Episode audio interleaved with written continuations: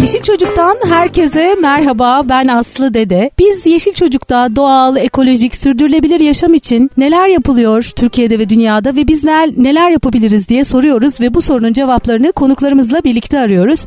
Bugün yine çok değerli bir konuğum var aynı zamanda dostum. Ee, kısa süreli bir e, tanışıklığımız var ama çok derin bir dostluk oluştu aramızda. Bugün konuğum KSS Strateji kurucusu e, Serpil Büyük Altın Çizme. Hoş geldin Serpil. Hoş bulduk Aslı merhaba. Merhaba. Biz bugün e, ne konuşacağız? Sürdürülebilirlik ve e, çocuklarımız üzerine, geleceğimiz üzerine konuşacağız. Aslında birey olarak, anne baba olarak, yetişkinler olarak, kurumlar olarak sürdürülebilirlikle ilgili neler yapabiliriz diye soracağım Serpil'e. Neden ona soruyorum? Şimdi biraz sonra anlatacak detaylarını ama sürdürülebilirlik konusunda e, şirketlere, kurumlara danışmanlık veriyor. E, detayını anlatacak e, ve kurumlara bu danışmanlığı verdiğinde kurumlar nasıl dönüşüyorlar onu da merak ediyoruz. Kurumlar dediğimizde aslında o kurumların içerisinde insanlar var. O insanlar aynı zamanda anne baba. Dolayısıyla e, aslında hepimizi ilgilendiren konular bunlar. E, bu konuya, bu konulara nasıl geldin ilk önce onu soralım. Yani KSS strateji ne zaman nasıl kuruldu ama onun öncesinde neler vardı oraya seni getiren? Evet çok teşekkür ederim. Şöyle başlayayım. E, iş hayatıma Eczacıbaşı İpek Kağıt'ta başladım ve ondan sonrasında da e, devam eden şirketlerde hep çalışana değer verilen, fayda yaratan, memleketini, ülkesini destekleyen kurumlarda görev yaptım. Bu nedenle e, bugünlere e, gelmemde e, bu kurumların çok etkisi oldu. O şirketlerden bahsedecek olursam Eczacıbaşı İpek Kağıt, sonrasında e, Sharing Alman, Tetra Pak ki Tetra Pak'ta çalışırken İsveç'te aldığım eğitimler bugün sürdürülebilirliğin temel unsurlarını e, içeriyordu zaten. Onların çok e, etkisi var e, bugünlere gelmemde. Sonrasında Türksel'in e, kurucu ekibinde e, görev yaptım. E, arkasından da Gedik Yatırım'da uzun süreli bir üst yönetim tecrübem var. Çalıştığım dönemlerde hep pazarlama, pazar araştırma ağırlıklı çalıştım. Sonrasında özellikle Gedik Yatırım'da çalışırken son dönemlerde şirketin ideal yaklaşımından dolayı toplam kalite ve kalite geliştirme çalışmalarına çok önem veriliyordu. Sermaye piyasalarında ilk ISO 9001 belgesi alındı. Arkasından 2002 yılında Kalder'in kurulmasıyla beraber toplam kalite çalışmaları başladı şirkette. Zaten zemin hazır olduğu için birçok çalışma çok kolay ilerliyordu. Orada çok güzel bir yere gelindi. Fakat bir süre sonra ben şunu fark ettim ki e, bu ülkede birçok farklı şirkette de bu çalışma yapılmalı. E, daha fazla şirkete hizmet verebilmek için oradan ayrılarak önce serbest danışmanlık yapmaya başladım. 2014 yılında da KSS stratejiyi kurdum ve bu şekilde çalışmalarıma devam etmeye başladım. Çalışmalarımın esası şirketlerin daha mükemmel çalışmalarına yol açabilmek, çevreye, insana, doğaya saygılı, fayda yaratan şirketler haline gelmeleri. E, günümüzde bir şirketin sadece karlı olması artık yetmiyor. Bir şeyleri dert ediniyor olması lazım. Özellikle sürdürülebilir kalkınma hedeflerinden bir ya da birçoğunu dert edinip o konuda da fayda yaratıyor olması gerekiyor. Çalışanlarının motive olması lazım. Çalışan motivasyonu günümüzde çok kıymetli. Çünkü yaşanan ekonomik zorluklar, dünyanın yaşadığı farklı gelişimler ve sıkıntılar ki sürdürülebilirlik kavramını bunlar içeriyor. Şirketlerin farklılık yaratmak adına ve sürdürülebilir olmak adına hem çalışanlarını çok motive tutmaları lazım ki zor günlerde onlardan en büyük faydayı sağlayabilsinler. Hem de varlıklarını ilelebet sürdürülebilmeleri için bu çalışmalar çok gerekli. Peki bu danışmanlık şimdi birdenbire böyle böyle danışmanlıklar verilemiyor değil mi? Ne oldu da bu danışmanlık verilmeye başlanabildi? Tabii ilk önce Kadir Has Üniversitesi'nde bir seminere katıldım. Eş zamanlı olarak da orada faaliyet gösteren Sosyal Sorumluluk Derneği'nde de bir yıl gönüllü olarak çalıştım. Aynı zamanda Kadir Has Üniversitesi'nin sosyal sorumluluk ders içeriğini de orada hazırlıyorduk. E, bütün bu süreçler beni e, bugünlere daha iyi hazırladı. Akabinde de şirketlerin sürdürülebilirlik raporlarını e, yazabilmeleri için neler gerekli o çalışmalara başladım. E, Global Reporting Initiative dünyada en iyi referanslı rapor hazırlama yöntemlerini ortaya koyan e, bir inisiyatif. GRI diye biliniyor. GRI diye biliniyor. Hı hı. E, ben tüm raporlarımı e, rapor olmasa bile sürdürülebilirlik çalışmalarını GRI esaslarına göre hazırlıyorum ve öyle kurguluyorum ki şirket sonraki yıllarda kendi raporunu ve kendi stratejisini sürekli olarak kendi kendine çalışanlarının motivasyonuyla yenilesin. Hazırlanan e, strateji e, her yıl yenilenerek uygulanabilsin ve tekrar tekrar danışmanlık almaya gerek kalmadan şirketin yaratıcılığıyla, şirketin yarattığı faydayla ilerleyebilsin. Şimdi zaman zaman aslında biz de yeşilçocuk.com'da e, zaman zaman bu haberlere yer veriyoruz. Çünkü şirketler sürdürülebilirlik raporları yayınlıyorlar. Aslında bunu tüketiciler için de yayınlıyorlar. Yani evet. e, sürdürülebilirlik yani e, çevre için, e, dünya için, gelecek için aslında o şirket ne gibi önlemler alıyor, ne tür aksiyonlar e, da bulunuyor. Aslında bunları yayınlamış oluyor. Bizim aslında tüketici olarak bunları bilmemiz lazım ki e, satın alma yaparken de tercihlerimizi ona göre yapalım. Aslında hep bilinen yanlış bir şey var ki e, sanki tüketicilerin çok fazla etkisi yokmuş gibi e, düşünülüyor. Oysa seçimi biz yapıyoruz.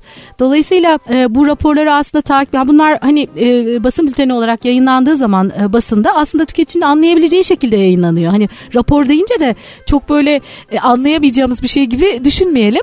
E, ama hani tabii biraz daha e, anlayabilmemiz için bu raporlarda neler oluyor? Bu raporlar öncesi yapılan çalışmalar neler? Biraz böyle bizi bu konuda aydınlatabilir misin? Tabii ki.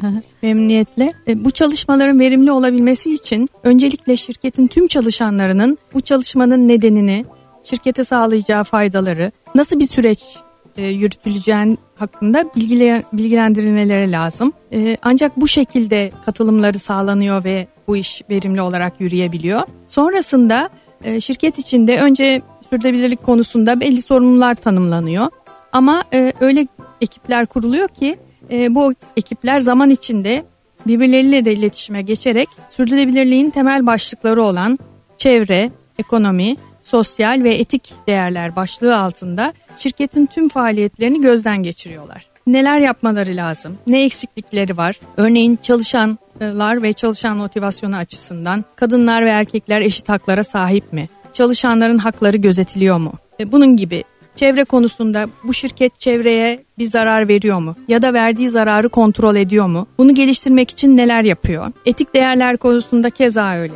Piyasada örneğin ürettikleri ürünün bir riski varsa bunu gerekli şekilde uyarıyorlar mı? Paylaşıyorlar mı? Bunları düzeltmek için ne gibi önlemler alıyorlar? Sürdürülebilirlik raporu şirketin en üst yöneticisinin e, taahhüdüyle başlamak zorunda.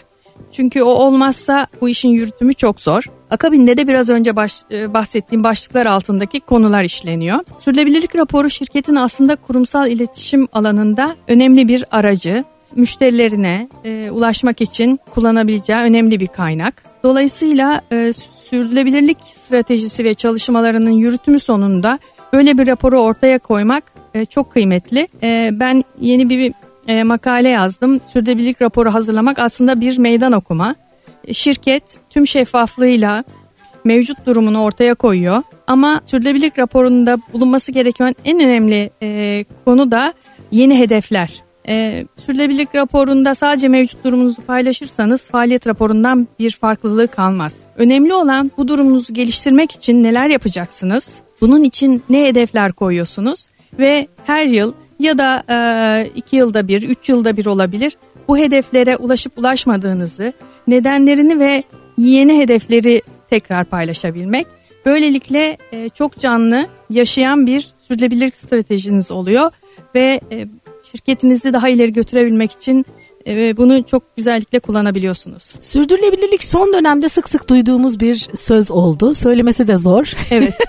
e, ne anlamalıyız bir şirket için e, sürdürülebilirlik deyince? İlk anlamamız gereken o şirketin, o kurumun bu herhangi bir boyutta bir şirket de olabilir onu söylemek isterim. İlle büyük bir şirket olması gerekmiyor. Her yapı için geçerli bu. Bizim bireylerin Bireyler birey olarak da geçerli. Karşılaşacağı her türlü krize karşı her türlü zorluğa karşı varlığını devam ettirebilme becerisi. Tüm kaynaklarıyla, tüm çalışanlarıyla, tüm faaliyetiyle. Ana hatlarıyla bu şekilde ya söyleyebilirim. Ama bir de e, kendine ve etrafına zarar vermeden. Kesinlikle.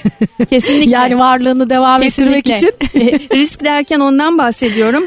E, uzun bir süre etrafa zarar vererek faaliyetinize devam edebilirsiniz. Ama bir gün bu bir yerden mutlaka karşınıza çıkıyor. İşte o zamanı bilmezseniz, o zamana kendinizi hazırlamazsanız, e, buna yönelik çalışmazsanız yok olan e, bir şirket durumuna da geçebiliyorsunuz. Aslında şimdi ben e, hep şöyle düşünüyorum. Yıllar önce bir romantik e, e, bir tavırla işte yeşillerin, yeşil e, destekçilerin ortaya koyduğu şeyler aslında şu anda şirketler bunun farkına vardı ki dünyanın kaynakları sınırlı.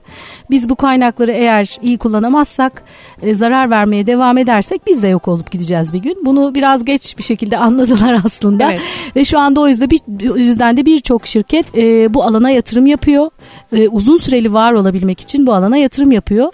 Bizler bireyler olarak da aslında yine öyle bir geçiş döneminden geçtik herhalde. Çok fazla hasta oldu insanlar. Evet. Ondan sonra da anladık ki aslında gıdalarımıza dikkat etmemiz gerekiyormuş. Kesinlikle.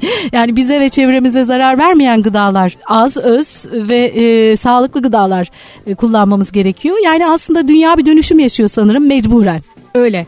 e, e, karşılaştığımız şartlar karşısında sonunda e, biraz canımız yanarak e, zarar görerek e, de olsa e, bu yola girdik. Artık e, yediklerimize, içtiklerimize, bunların kaynağına e, dikkat ediyoruz. Hazır gıda tüketmemeye çalışıyoruz. Şartlar bizi zorlasa bile e, bu yola girmemiz lazım yoksa sağlığımızdan olacağız ve evet. e, hayatlarımız çok ciddi tehlikeye girecek. Evet şimdi çocukları konuşacağız. Evet. e, şimdi sürdürülebilirlik deyince aslında her şey aileden başlıyor. Gerçi şu anda çocuklarımız bizden yani şu andaki çocuklar bizden çok daha iyiler bence. Doğru.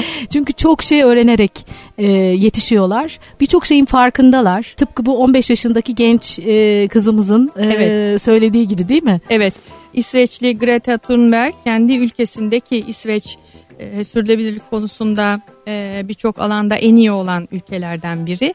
Ama e, işte böyle bir ülkede yetişen e, bir çocuk bunun farkına vararak e, artık e, ülke yönetimlerine dur deme e, ihtiyacı hissetti kendinde. Bizler bireyler olarak dikkat edebiliriz bazı şeylere ama bir de e, ülke yönetimlerinin bu yola baş koyması lazım. Ne yazık ki durum şu anda öyle değil. Greta'nın isyanı da bu yüzden ülkeler e, karbon salınımlarını azaltmak için bir çaba göstermeyeceklerini e, söylüyorlar. Birçoğu açıkça söylüyor bunu. Birçoğu yaparmış gibi yaparak e, kaçınıyor. E, Greta çok açık bir şekilde şunu söylüyor. Eğer siz bir şey yapmazsanız artık biz geliyoruz ve biz bir şey yapacağız. Çünkü siz böyle devam ederseniz bizim bir hayatımız olmayacak. Sen neden okula gitmiyorsun da gelip burada grev yapıyorsun dediklerinde kendisine ben okula neden gideyim ki? Birkaç yıl sonra öleceksem hayatım yok olacaksa istediklerimi yapamayacaksam istediğim gibi yaşayamayacaksam ben neden okula gideyim? diye karşı çıktı. Ve bu duruşu onu e, COP24 iklim konferansında konuşmacı olarak e, Birleşmiş Milletler Genel Sekreterinin yanına oturttu. Çok da ses getirdi. Evet e, aynen söylediğin gibi çocuklar çok bilinçli geliyorlar ve bu e, bilinç e, okullarda da ediniliyor ama en önemlisi ailede e, edinmek. Dolayısıyla anne babalara e, ve bizlere çok iş düşüyor. Evet. Şimdi ben sık sık dile getiriyorum. Bir kez daha anlatacağım. Çok kulaklarımı çınlatıyorum. ee, yaklaşık sanırım 3 yıl daha fazla 4-5 yıl kadar önce bir radyoya bir e, çocukları 23 Nisan'da konuk almıştım. Ekotim üyesi, Eko evet. Okul bir Eko Okul'dan Ekotim üyesi çocuklar gelmişti. 23 Nisan için konuşuyoruz. Ee, ben e, dedi en küçükleri de 7 yaşında Mehmet Emin nasıl bir dünya istiyor? E sonunda programın sonunda dedim ki nasıl bir dünya istiyorsunuz siz? Hepsi söylüyorlar işte şöyle bir dünya istiyorum. Mehmet Emin de dedi ki ben temiz ve coşkulu bir dünya istiyorum dedi temiz ve coşkulu bir dünya. Ben de dedim ki çok özür dileriz e, Mehmet Emin biz yeterince temiz ve e, bir dünya bırakamadık size dedim. E, o da önemli değil e, öğretmenim biz bizden sonrakileri düşüneceğiz dedi. Bu beni çok etkilemişti. yani siz bizi düşünmediniz ama biz bizden sonrakileri düşüneceğiz diye baya bir utanç duygusuna kapılmıştım. Yani ama gerçekten e, daha bilinçliler bu konuda. Çok çok bilinçliler ancak tabii ki e, bazı konularda neredeyse iş işten geçme durumunda. İklim konusunda özellikle yaşadığımız doğa olayları çok fazla can almaya başladı. Dolayısıyla bu yüzden esas e, ülkelerin e, ciddi adımlar atması bekleniyor. Çocuklarımız çok şükür tabii ki çok bilinçli ama bizim e, onlar için, e, onların hayatları için çok daha fazla şey yapmamız lazım. Ya aslında ben şöyle bir örnek verebilirim. Ben yetişirken küçükken e, anneannem yani işte evet. o savaşlar görmüş e, anneannem biz e, odanın ışıklarını açık bıraktığımız zaman bize çok kızar. Bizim arkamızdan o ışıkları kapatırdı. Evet. E, ve biz de çok sinirlenirdik. Şimdi çocuklarımız e, bizim bizim bu sefer de çocuklarımız çok güzel. Evet. yani kuşak atlayaraktan evet. yeniden bir bilinçlenme oldu diye düşünüyorum ben. Çok doğru söylüyorsun. O aktardığın süreç gerçekten öyle yani dünya bir dönüşüm yaşıyor ve bizler de o süreci yaşadık gerçekten kötüye doğru Biz gittik. biraz müsrif bir kuşaktık. Evet. Farkında olmayan bir Farkında kuşak. Farkında olmayan. E, karşılaştığımız bazı yeniliklere birden dört elle sarıldık. İşte hazır gıdalara, e, çok fazla tüketime.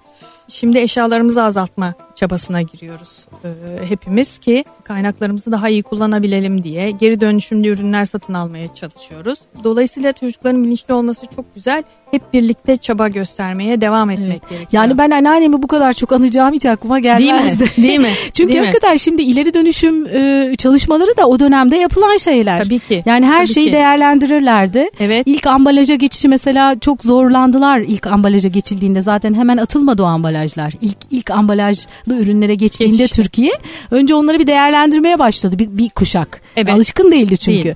Ama sonra bir ara kuşak var ki onlar her şeyi atmaya. Evet. Neyse şimdi geri dönüşüm, ileri dönüşüm yeniden akıllandı, farkına vardı insanoğlu. Şirketler, bireyler. KSS strateji kurucusu Serpil Büyük Altın Çizme bugün konuğum. Tekrar merhaba. Tekrar merhaba. Şimdi aradan önce biz sürdürülebilirlik üzerine sohbet ettik. KSS stratejisinin zaten yaptığı şeylerden biri de kurumlara sürdürülebilirlik konusunda danışmanlık yapmak ve kurumların sürdürülebilirlik raporları hazırlaması konusunda da onlara yardımcı olmak. Şimdi biz ama ne dedik? Kurumlar, kurumların içerisinde e, bireyler var. Bireyler zaten e, ebeveynler e, ve aslında aileden başlıyor her şey. Çocuktan başlıyor bütün çalışmalar. Biz sürdürülebilirlik ilkeleri çerçevesinde ailemizde ne gibi ya da çocuklarımızla ilişkimizde çocuklarımızda ne gibi değişimler yapabiliriz? Nelere dikkat edebiliriz? Bu konuda senin daha önceki programlarını izlediğim için faaliyet gösteren birçok yeni şirket var. Bu yüzden çok mutluyum. Ee, çocukların sağlığı ve e, gelişimleri konusunda. Ee, ilk e, ebeveynlerin yapması gereken bu gelişimleri takip edebilmek, çocukların doğal beslenmeleri için, aile içinde bireysel iletişimde bulunmaya devam ederek, e, çocuklarla e, göz teması kurarak, birebir karşılıklı oyun oynayarak, konuşarak, tartışarak. E, tabii ki teknoloji hayatımıza girdi. E, tabii ki e, tabletler, telefonlar, çeşitli oyun araç gereçleri e, teknolojik olarak mevcut. Ama bunlara e, tabii ki ulaşacaklar. E, ileriki hayatlarında kullanmaları için bunları öğrenmeleri gerekiyor. Ancak bireysel iletişim her şeyden çok kıymetli. E, zaman içinde geçtiğimiz e, uzunca bir dönemde e, insanlar daha bireysel yaşamaya başladılar. Ama şimdi görüyoruz ki birbirimize çok ihtiyacımız var. Özellikle e, çocuklarımız aile içinde, aile büyükleriyle, özellikle daha büyüklerle, anneannelerle, dedelerle de iletişim içinde olabilmeli. Özellikle beslenmeleri konusunda e, doğal ürünler, e, işlenmemiş ürünleri almaları gerekiyor. Bunun için de eve yapılan alışveriş önemli. Son dönemde çok gündeme gelen e, atık konusu var. E, evde e, mutlaka atıkların ayrılması gerekli. Gıda atıklarının, işte plastiklerin ve kağıtların. Bunun hepimize çok faydası oluyor. Çocuklar böyle şeyleri çok çabuk öğreniyorlar. Hatta bizden daha çabuk öğreniyorlar. Hele dışarıda iyi bir örnek gördülerse onu gelip evde uygulamayı da üstlenebiliyorlar.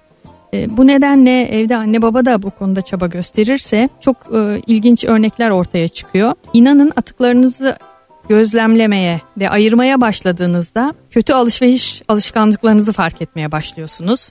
Daha az ambalajlı ürünler satın almaya başlıyorsunuz. Onları tercih ediyorsunuz. Geri dönüşümlü ürünlere yöneliyorsunuz. Harcamalarınızdan e, kar ettiğiniz gibi e, çevreye daha az atık üretiyorsunuz. Çünkü o atıklarınızı bir yerlere ulaştırmak da bir iş. E, dünyada e, bu konuda ileri olan ülkelerde hep e, gözlemlenen şu.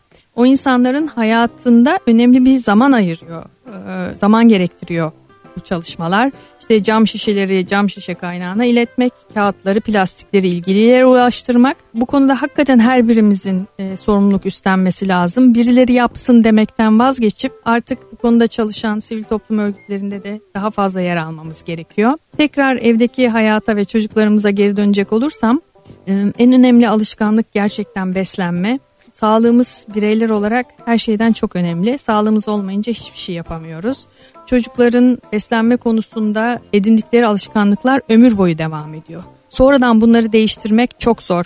hepimiz kendi yaşadığımız sıkıntılardan beslenme alışkanlıklarımızı değiştirme konusunda yaşadığımız zorluklardan bunu biliyoruz. Dolayısıyla küçük yaşta başlayan alışkanlıklar ilelebet devam ediyor. Eğitim konusunda da e, bazı söylemek istediklerim var.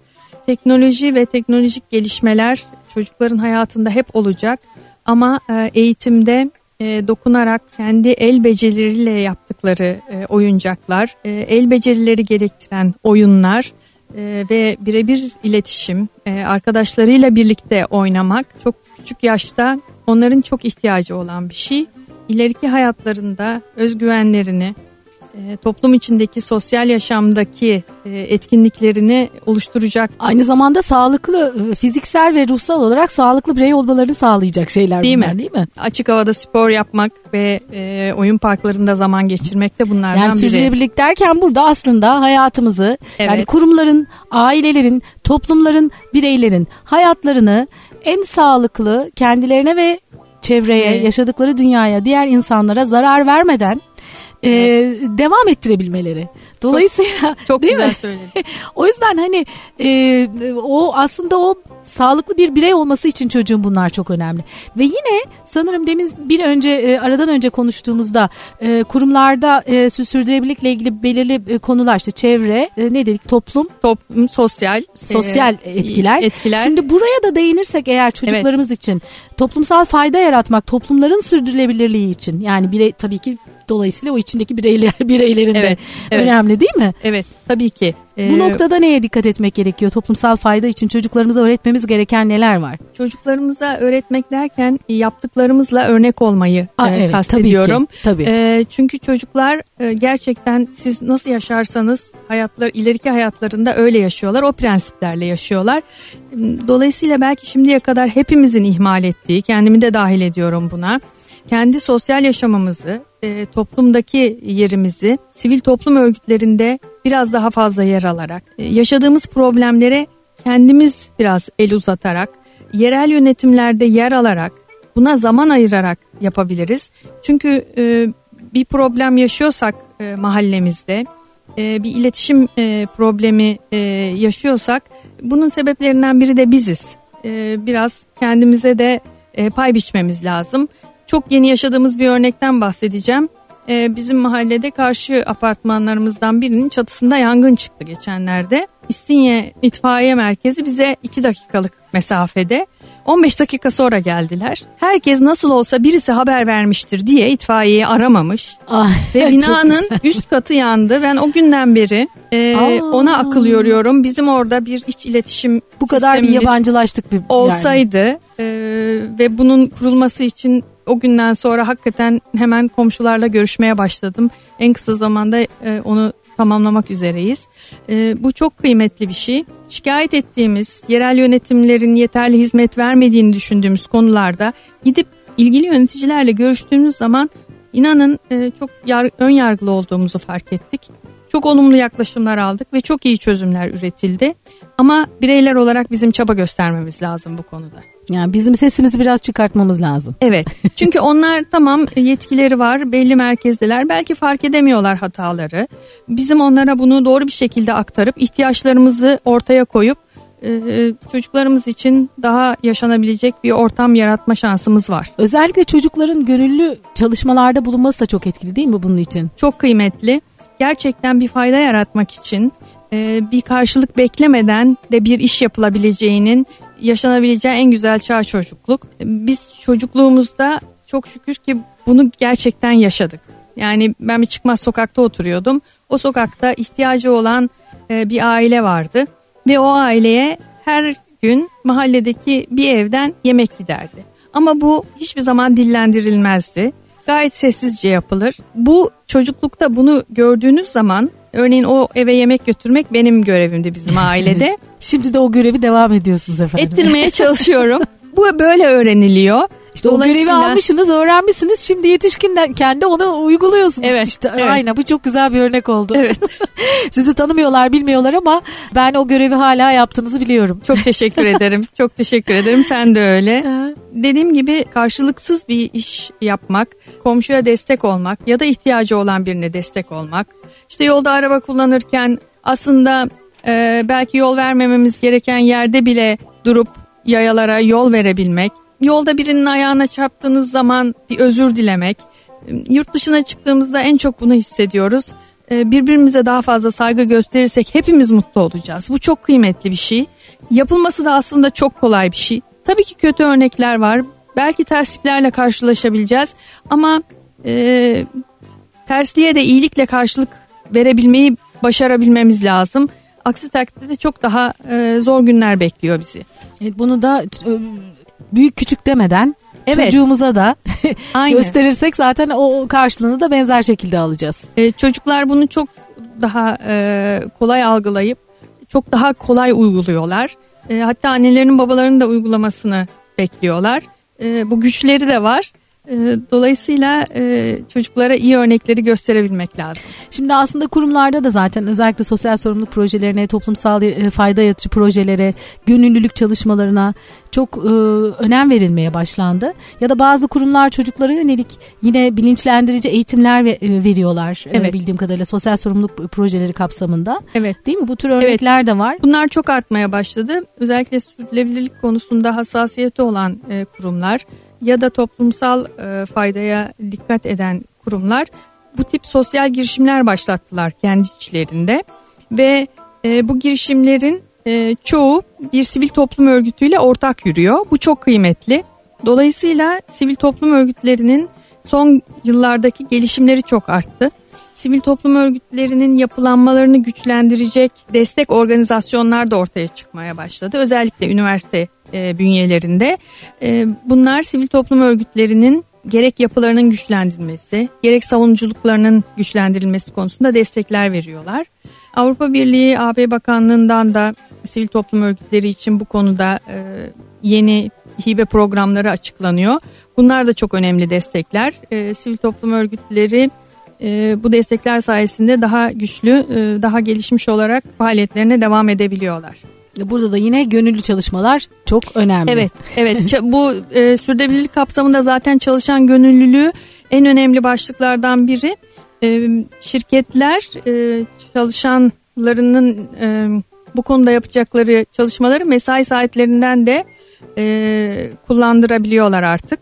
Dolayısıyla e, çalışanlar e, çok daha verimli projelerde yer alabiliyorlar. Bu da bireylerin mutluluğu için çok önemli. Büyük küçük.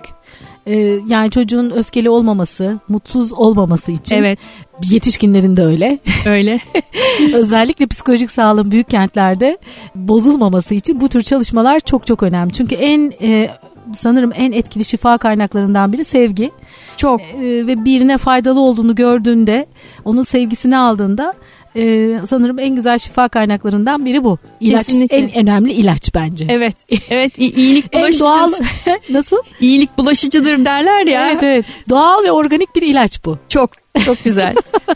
Peki şimdi ben e, sizin bir projeniz var. Biraz Evet. da ondan söz edelim istiyorum. Çok yeni. Ee, Ben e, kurumlarla çalışırken, dolayısıyla kurumlarda görev alan e, bireylerle de çalışmaları yürütürken şunu fark ettim. Biraz önce senin de belirttiğin gibi e, şirketleri oluşturan, yaşatan bizleriz, insanlarız. E, Bireylerin sosyal sorumluluk konusunda e, daha fazla yüreklendirilmeleri için, iyi örneklerin paylaşılabilmesi için böyle bir hareket düşündük. Farkındayım, ben de varım diyoruz. Yaşadığımız problemlerin ya da çok güzel ve iyi örneklerin farkındaysak ve bu konuda biz bir şeyler yapıyorsak bunları paylaşalım istiyoruz. Herkes bu iyi örnekleri görsün, belki kendine örnek alsın. Çeşitli ortamlarda, e, çeşitli şehirlerde yaratılan e, iyi çözüm önerileri, toplumsal yaşamımızı geliştirecek iyi örnekler, e, çocuklarımız için yaptığımız iyi çalışmalar, bunların hepsini burada paylaşıp hepimizin yaşadığımız problemlerin çözümü için neler yapabileceğimizi görebilmek. E, ama bunları e, gerçekten çok barışçıl bir şekilde ve e, iyi örnekler üzerinden yürütme çabasındayız.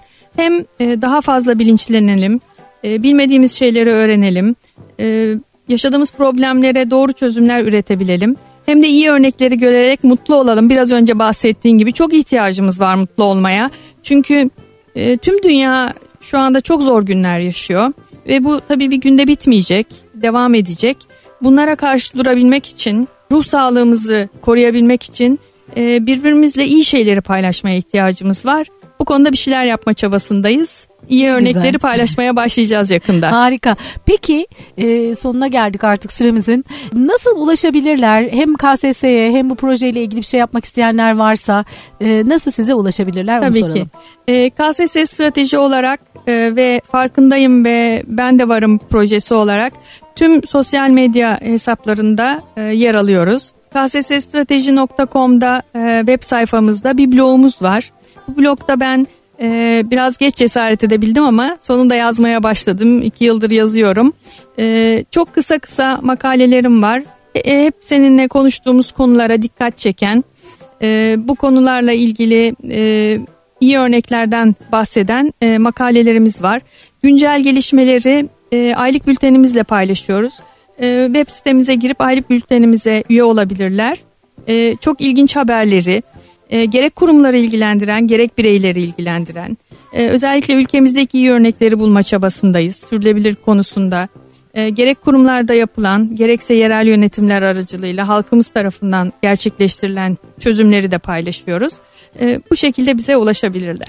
Peki çok teşekkür ediyorum değerli bilgilerin için ve bu alanda yaptığın çalışmalar için. Hep söylüyorum bu program bana çok iyi geliyor. Çünkü genel olarak bu mutsuz bir mutsuzluk var. Hani insanların umuda ihtiyacı var. Evet. Hep de böyle iyi umut veren, umudu yeşerten, e, ces, cesaret isteyen e, işler yapan insanlarla sohbet ediyorum. Bu da benim böyle moralimi gayet iyileştiriyor. İyi şeyler de var, iyi şeyler yapan iyi insanlar da var. Evet. Bunu görüyoruz. Evet ve bunları paylaşmak çok kıymetli. Bana bu fırsatı verdiğin için ben çok teşekkür ederim. Biz çalışmaya devam edeceğiz. Sen de çok güzel örnekleri programında paylaşıyorsun. Heyecanla izliyoruz. Çok çok teşekkür ederim. Rica ederim. Ben de farkındayım. Ben de varım bu arada. Farkındayım evet. ben de varım. ben de varım da ben de varım. ben de varım. Biz de varız. Yani bu projenin içerisinde ben de varım bir şekilde. Ee, herkesi de bekliyoruz. Ee, KSS Strateji'nin sosyal medya hesaplarından ve internet sitesinden ulaşabilirsiniz. Aynı zamanda biz de Yeşil Çocuk'ta bunun duyurularını yaparız. Bizden de ulaşabilirsiniz. Bize nasıl ulaşıyorsunuz? Yeşilçocuk.com yazıyorsunuz ya da sosyal medyadan Yeşil Çocuk yazarak sosyal medya hesaplarımıza ulaşabiliyorsunuz. Ben Aslı Dede. Bir başka Yeşil Çocuk programında yeniden buluşmak üzere. Yeşil kalın.